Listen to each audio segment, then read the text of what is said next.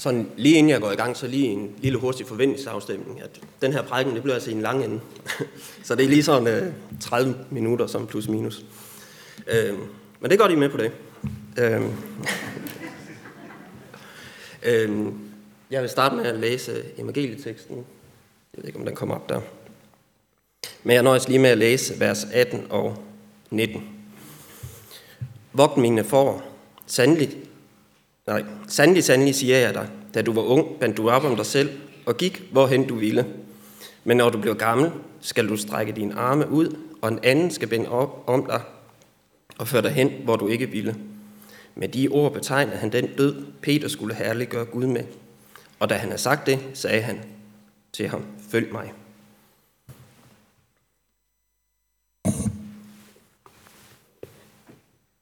Dagens prædiken det bliver blot om et aspekt, der ligger i dagens tekst, og i den større kontekst omkring øh, Peter og hans relation til Jesus. Det ligger i spændingsfilmen mellem, at Jesus, nej, Peter fornægter Jesus, og i tro vil bekende Jesus til døden, som teksten forudsiger i dag. Det aspekt, jeg ønsker at tage fat på, er Peters kamp for at komme til den rette tro, altså den her kamp, som Jesus anerkender. Og nu siger jeg Peters kamp, men det er måske i lige så høj grad Jesus kamp. En kamp, Jesus har for at knække Peters egen menneskeskabte tro, for at så at give ham en langt mere holdbar og solid tro, en tro, der kommer fra oven. Peter han går ret mange år med Jesus, og øh, Bibelen giver udtryk for Peters tro ved flere lejligheder. Peter han blev for eksempel kaldt ud på vandet, men Peters tro holder ikke, og Jesus må komme ham til undsætning. Jesus forklarer, hvordan, øh, forklarer til sine disciple, hvordan han må og skal dø i henhold til profetierne. Og det er helt Guds plan og mening. Og meget indlevende i stor Peter tro øh, fortæller øh, Peter og Jesus, at øh, det ikke må ske. Øh, han vil ikke lade det ske. Han vil forhindre det. Jesus skal ikke lide og død. Og det virker som sådan en meget sympatisk og stor tro, men Jesus giver ret, ret hård respons tilbage til ham, hvor han siger, vi bag mig, satan. Og i Gethsemanes have, hvor at, øh, øh, Jesus øh, bliver taget til fange, der har Jesus styr på, at tingene sker efter profetierne. Og så kommer Peter og trækker sit svær i sin store tro, og går til angreb på en af soldaterne og hugger øret af. Og Peter bliver stoppet af Jesus. Jesus må stoppe ham og få ham væk, helbrede soldaten og få tingene tilbage på sporet, at tingene skal ske efter profetierne. Peter i sin store tro lover Jesus, at han aldrig vil fornægte ham. Jesus han siger, inden haden galer, to gange vil du fornægte mig tre gange. Og selvfølgelig sker det nøjagtigt, som Jesus har sagt. Og endelig fristes jeg helt til at sige, knækkes Peters tro. Endelig har Jesus Peter der, hvor han gerne vil have ham. Hvor Peter indser, at hans egen tro er utilstrækkelig. Og han må opgive sin egen tro for at få den tro, Peter, eller Jesus gerne vil give ham. En tro, som kommer ovenfra og som er mere holdbar og solid.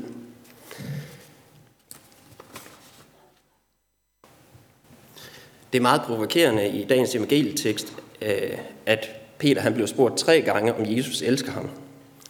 Øh, ovenpå, at han har fornægtet øh, Jesus tre gange. Og det har godt nok gjort ondt på Peter, alt det her med, at hans tro er blevet knækket på den her måde, og ikke har slået til. Men det har helt sikkert også gjort noget godt for Peter. Peter og hans nye tro er i hvert fald som forvandlet. Fra sin nyttesløse og svage tro at fornægte Jesus, rejser han sig på pinsedag og prædiker og råber ud over Jerusalem, ham I har korsfæstet, han er Kristus. Og sådan nogle frugter, det er fra en tro, der kommer ovenfra, øh, og det er meget modigt gjort af Peter. Peters vej til troen, den har ikke været nem for hverken Jesus eller Peter. Tre års vandring med Jesus og intens til at lytte til Jesus, sådan uden at fange pointen, det er lang tid. På samme måde så kan kirkens folk have vokset op med kirke, komme i kirke og ikke forstå og fange pointen. Evangeliet, det er klart og enkelt kommunikeret i Bibelen, og alligevel oplever mange af os, at det ikke er så nemt at fange. Det er svært for Peter dengang, og det er svært for os i dag. Peter han havde en tro, en overbevisning, en måde at forstå virkeligheden på, som gjorde det svært for ham at fange evangeliet. Og det har vi også i dag. Peters udfordring, det kunne for eksempel være en idé om, at øh, Jesus skulle være en jordisk konge, og romerne skulle ud af landet, og andre ting, som lige fyldte på Peters tid, og som så også kom til at fylde i Peters hoved. For nu så lader vi lige Peters kamp for at komme til den rette tro ligge, men har ham bare i baghovedet, for at så i stedet fokusere på vores nutidige udfordringer med at forstå evangeliet i Danmark i dag.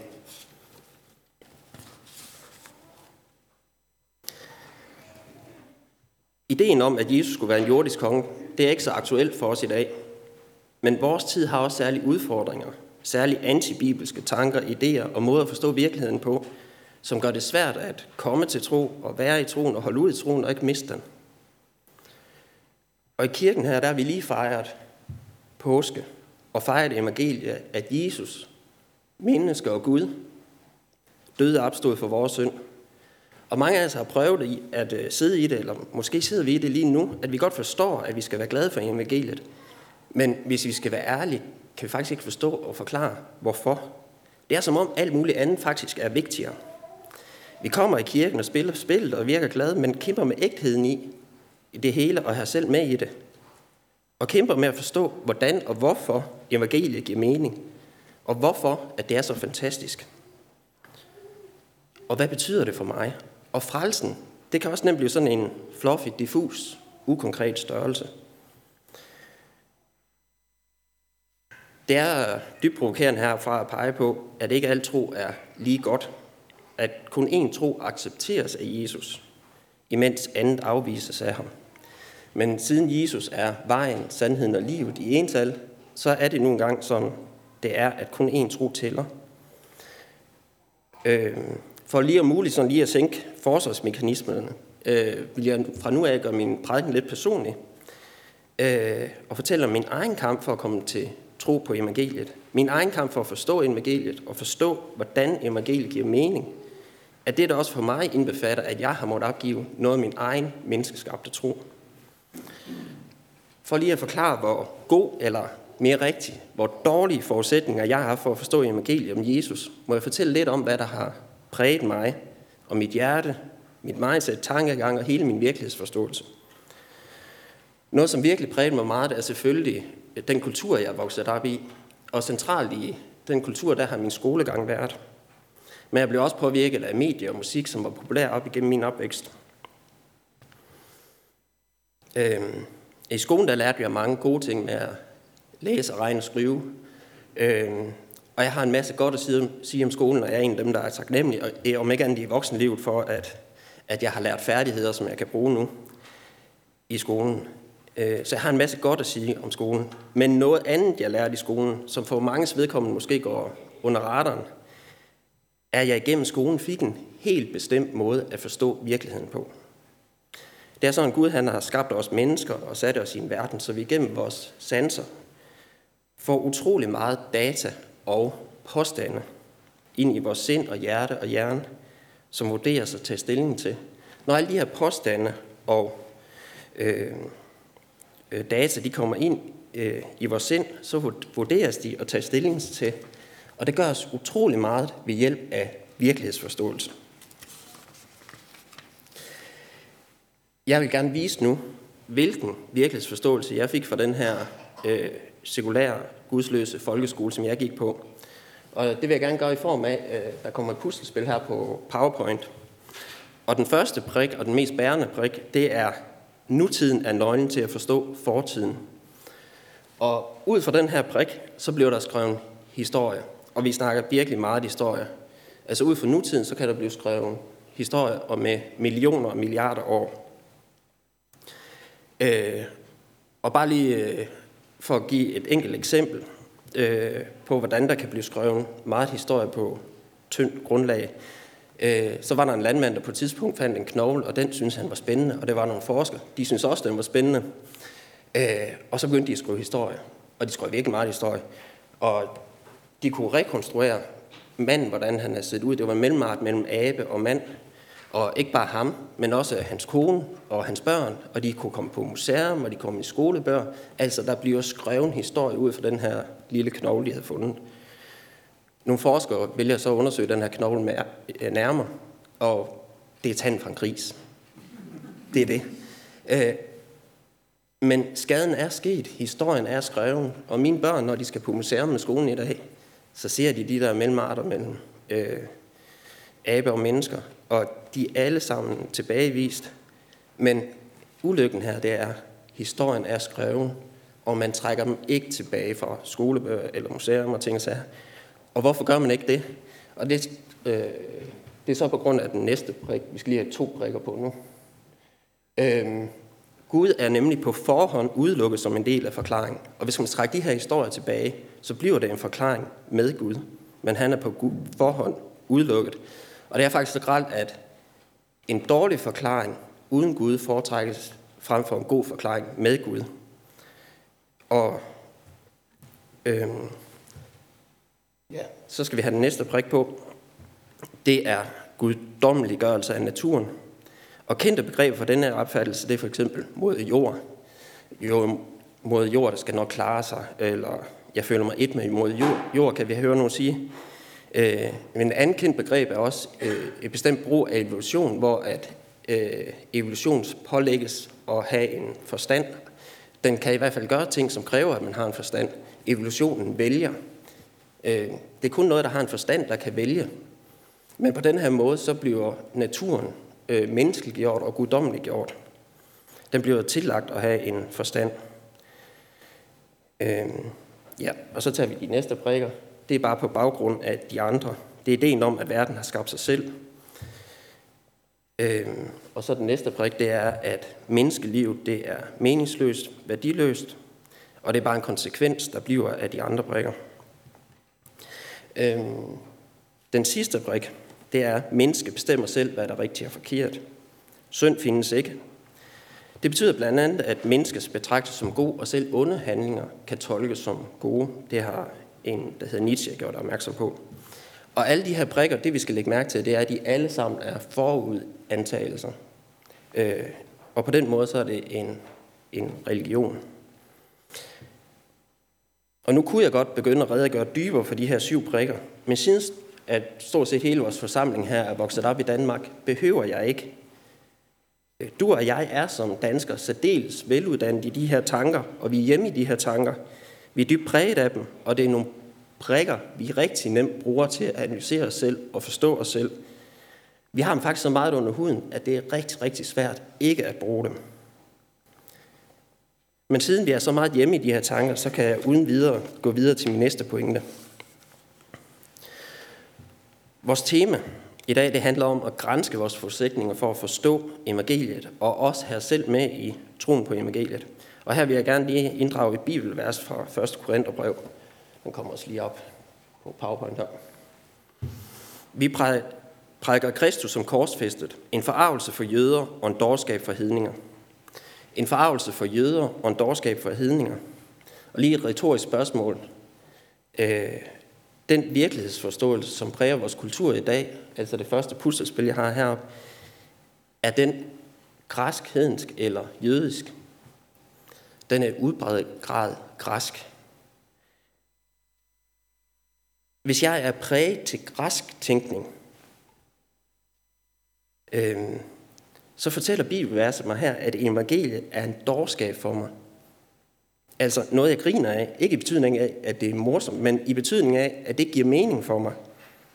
Altså, hvis mit sind er fyldt med den her måde at forstå virkeligheden på, kan jeg ikke forstå evangeliet, og e- evangeliet forekommer mig tåbeligt, som Bibelverset siger. Og hvis vi betragter mine syv prikker, jeg har heroppe, øh, så bliver det også svært at forstå nogen som helst mening med evangeliet. Der er for eksempel ingen synd at frelses fra. Der er heller ingen magtautoritet højere end mig selv at være skyldig overfor.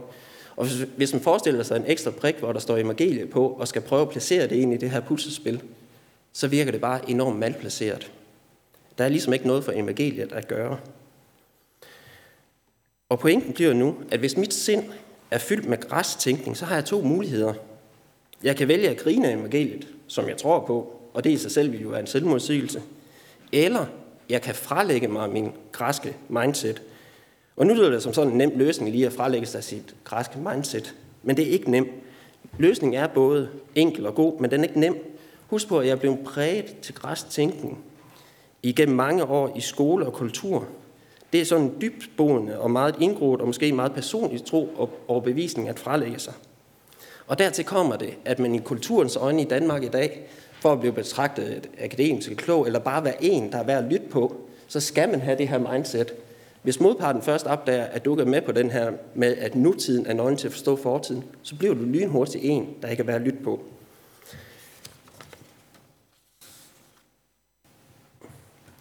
Nu vil jeg gerne vise noget, der vil virke meget revolutionerende for meget moderne teologi. Men princippet er faktisk helt enkelt. Vi begynder med begyndelsen. I stedet for at begynde med evangeliet, bygges en bibelsk virkelighedsforståelse op. Og så ser vi om evangeliet, da giver mening.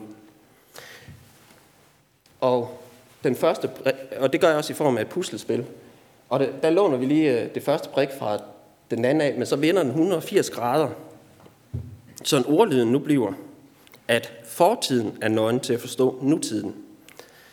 Øh, Bibelen, det er udpræget grad en historiebog, en åbenbaring af, hvordan Gud opfatter virkeligheden og historien.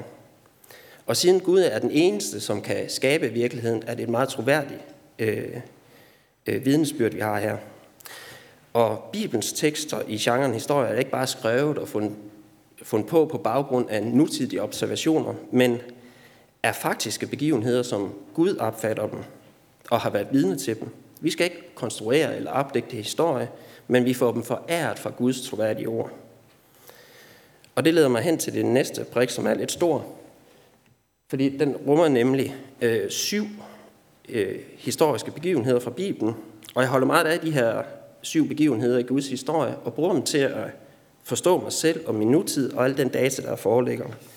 Og selvfølgelig er der også andre væsentlige begivenheder end de her syv, i, men øh, det er de væsentligste lige for at få en bibelsk virkelighedsforståelse.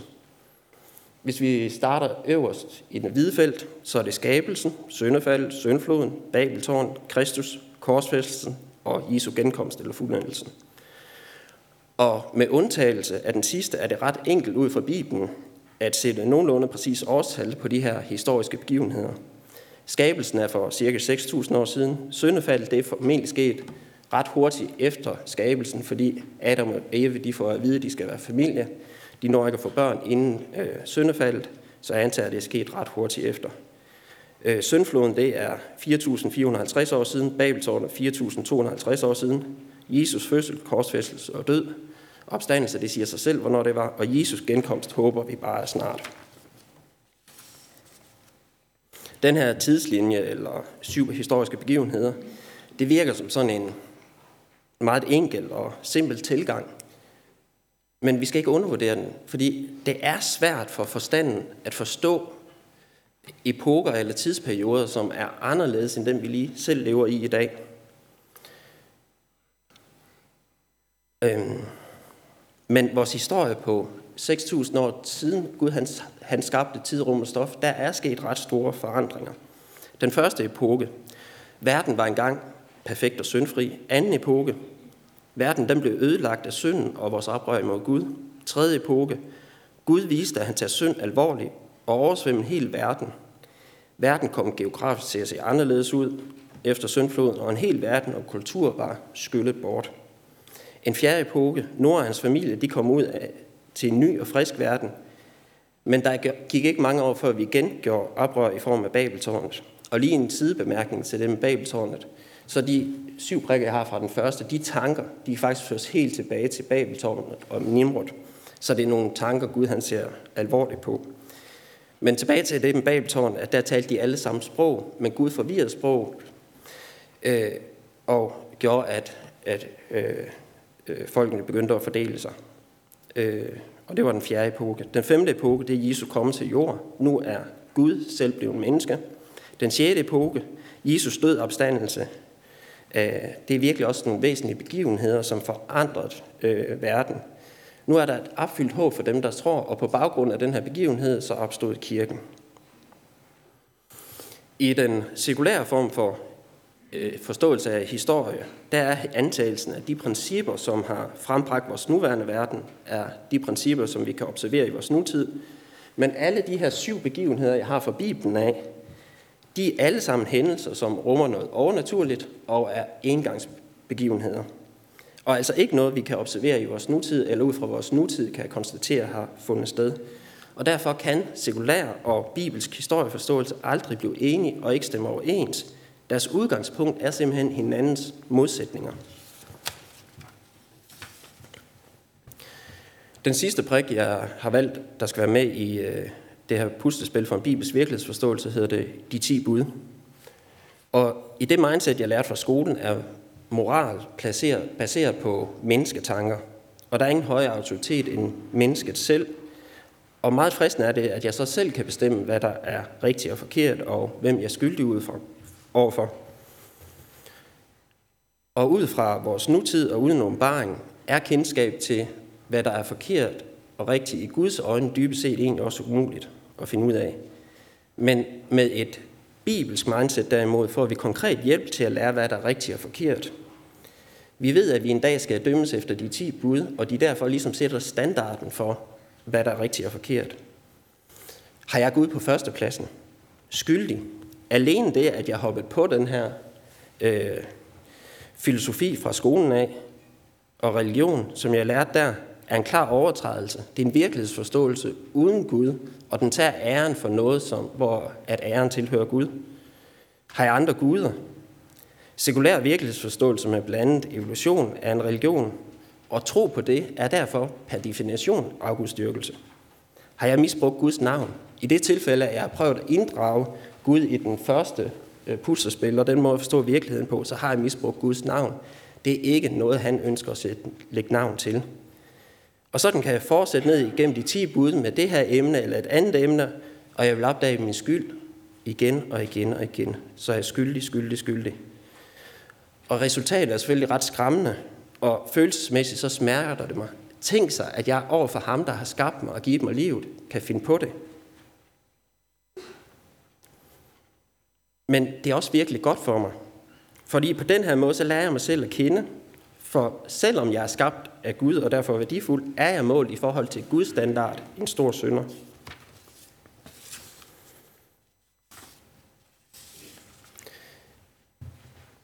Puslespillet med en bibelsk virkelighedsforståelse, det er nu færdigt. Vi kan se ligesom bibelsk historie er basisviden for en kristen, er kendskab til ens syndighed også basisviden. Og det er prikker, vi bruger til at forstå os selv, og ikke mindst, hvad skal vi med evangeliet. Og jeg vil gerne illustrere, hvad det her det betyder med et billede. Forestil jer sådan en fin grøn græsmark, og midt på marken er der et hvidt får, og får det er hvidt. På samme måde, så kan jeg tage det første puslespil med de syv prikker, jeg lærte fra skolen, og så kan jeg sætte den som baggrund bag ved mig selv, og nu vil jeg forstå, hvem jeg selv er. Så jeg er hvid. Jeg er godt menneske. Det er sådan, resultatet bliver, hvis det er min baggrund. Hvis I nu forestiller jer det samme hvide for fra før, men baggrunden skifter ud med en nyfalden hvidt sne, så er det lige pludselig tydeligt at se, at det her får, det er ikke så hvidt. Det er både gulligt og gråligt og beskidt. På samme måde, så kan jeg tage virkelighedsforståelsen fra Bibelen og have som baggrund til at forstå mig selv. Og så bliver det lige pludselig tydeligt, at jeg kan se min syndighed, og jeg kan se øh, Guds fred over min synd. Jeg kan se, at jeg har brug for en frelser. Jeg kan se min fortabthed, og det er paradis, jeg har tabt. Og jeg har derfor brug for evangeliet og den tilgivelse, der ligger heri. Og jeg har brug for at komme hjem til himlen, og evangeliet er min billet hjem. Og hvad er frelse så i den sammenhæng? Og der kan I bemærke over i den med de syv begivenheder, at der er du og jeg, øh, vi er i det mørke område, altså efter skabelsen og syndefaldet, og øh, før Jesu genkomst. Vi er i det mørke område. Egentlig så var Adam og Eve, som vi er efterkommer af, skabt i en perfekt og syndfri verden. Dette paradis er tabt. Og så dog, fordi Gud han har en plan om at ville have os tilbage til paradistilstanden, og derfor er himlen også i det hvide område. Fordi Guds plan er, at frelse det er, at vi skal tilbage til paradistilstanden i form af himlen. Så frelse i Bibels forstand, det er ikke sådan et symbolsk, abstrakt noget. Det er meget konkret og handler om, at det paradis, vi har mistet, ønsker Gud at give os igen. Og den relation, vi har mistet til Gud, ønsker han, at vi skal have igen. Og ved evangeliet genopretter Gud denne tilstand for dem, som tror. Fortabthed, det betyder, at vi har mistet noget i historien, i virkeligheden. Og frelse betyder, at virkeligheden bliver god og lys igen for dem, som tror.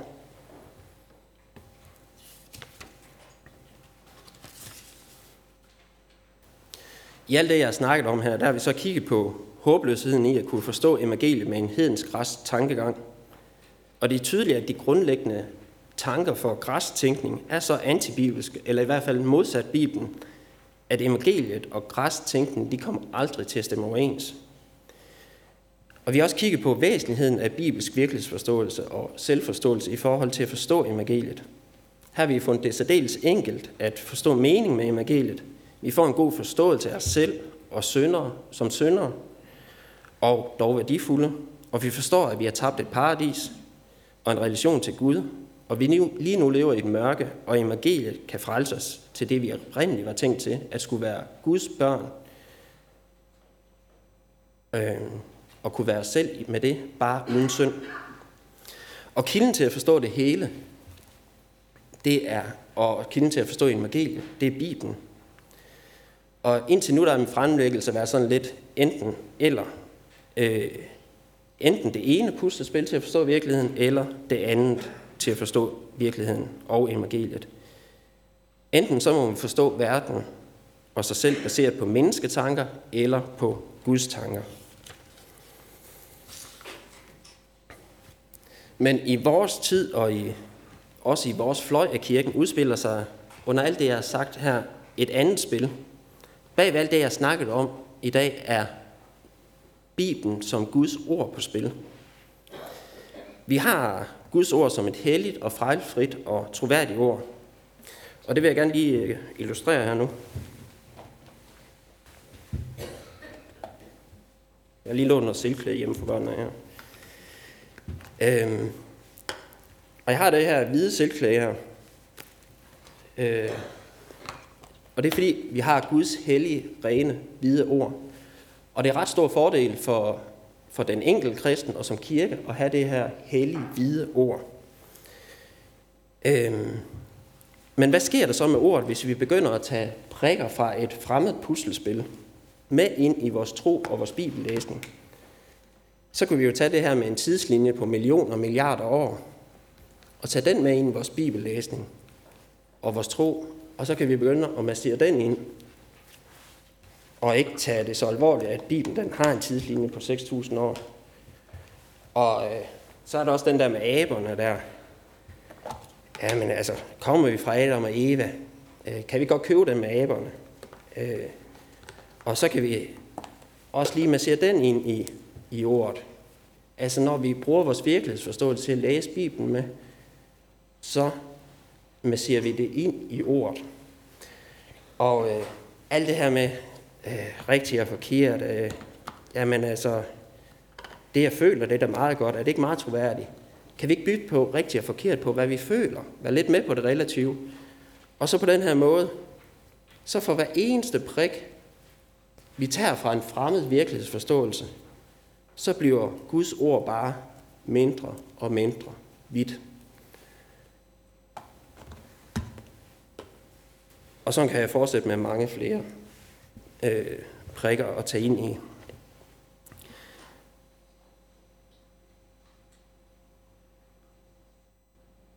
Det er øh, øh, Bibelen. Det er kilden for en sand tro på Jesus.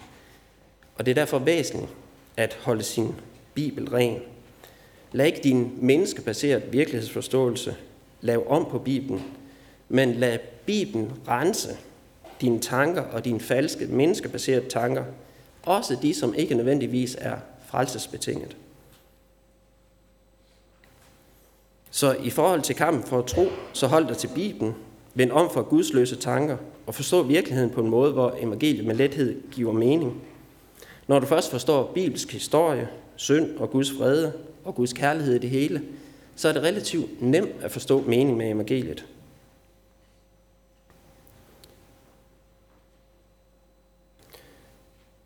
Og det, er også, det bliver også nemmere at blive i troen på Jesus og komme til tro på ham.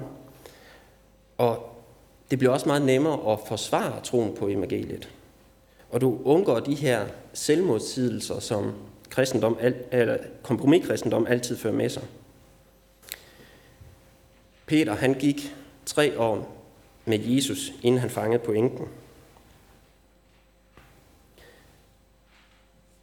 Og kirkegængere i dag, de kan gå i årtier. Og børn, der vokser op med kirke og har fået et evangelie fortalt hundredvis af gange, øh, kan vokse op, men forlade kirken. De har fået et evangelie at vide rigtig, rigtig mange gange, men har ikke fået baggrunden for at kun forstå evangeliet og få det til at give mening. De har ikke fået en bibelsk virkelighedsforståelse. Og på den baggrund, så er der mange, der giver op. Måske, og der er jeg så ret sikker, at det at bygge en bibelsk virkelighedsforståelse op i ens sind, faktisk en hurtig og effektiv måde at komme til forståelse og tro på evangeliet. På et tidspunkt så forstod Peter ikke, at, han, at Jesus måtte dø, og synes på et tidspunkt ikke, at han havde brug for, at Jesus ville dø. Han ville prøve at forhindre det. Men efter han havde ændret sind og forstået sin utilstrækkelighed og har opgivet sin egen tro, forstod han sin fortabthed øh, og sit behov for Jesus. Evangeliet, det gav lige pludselig mening for ham. Han havde brug for det. Vi kan også i dag, med al det her moderne tænkning, der præger os, lige pludselig sidde i en situation, hvor vi egentlig ikke har brug for, at Jesus skal dø for os, på grund af de her menneskeskabte tanker.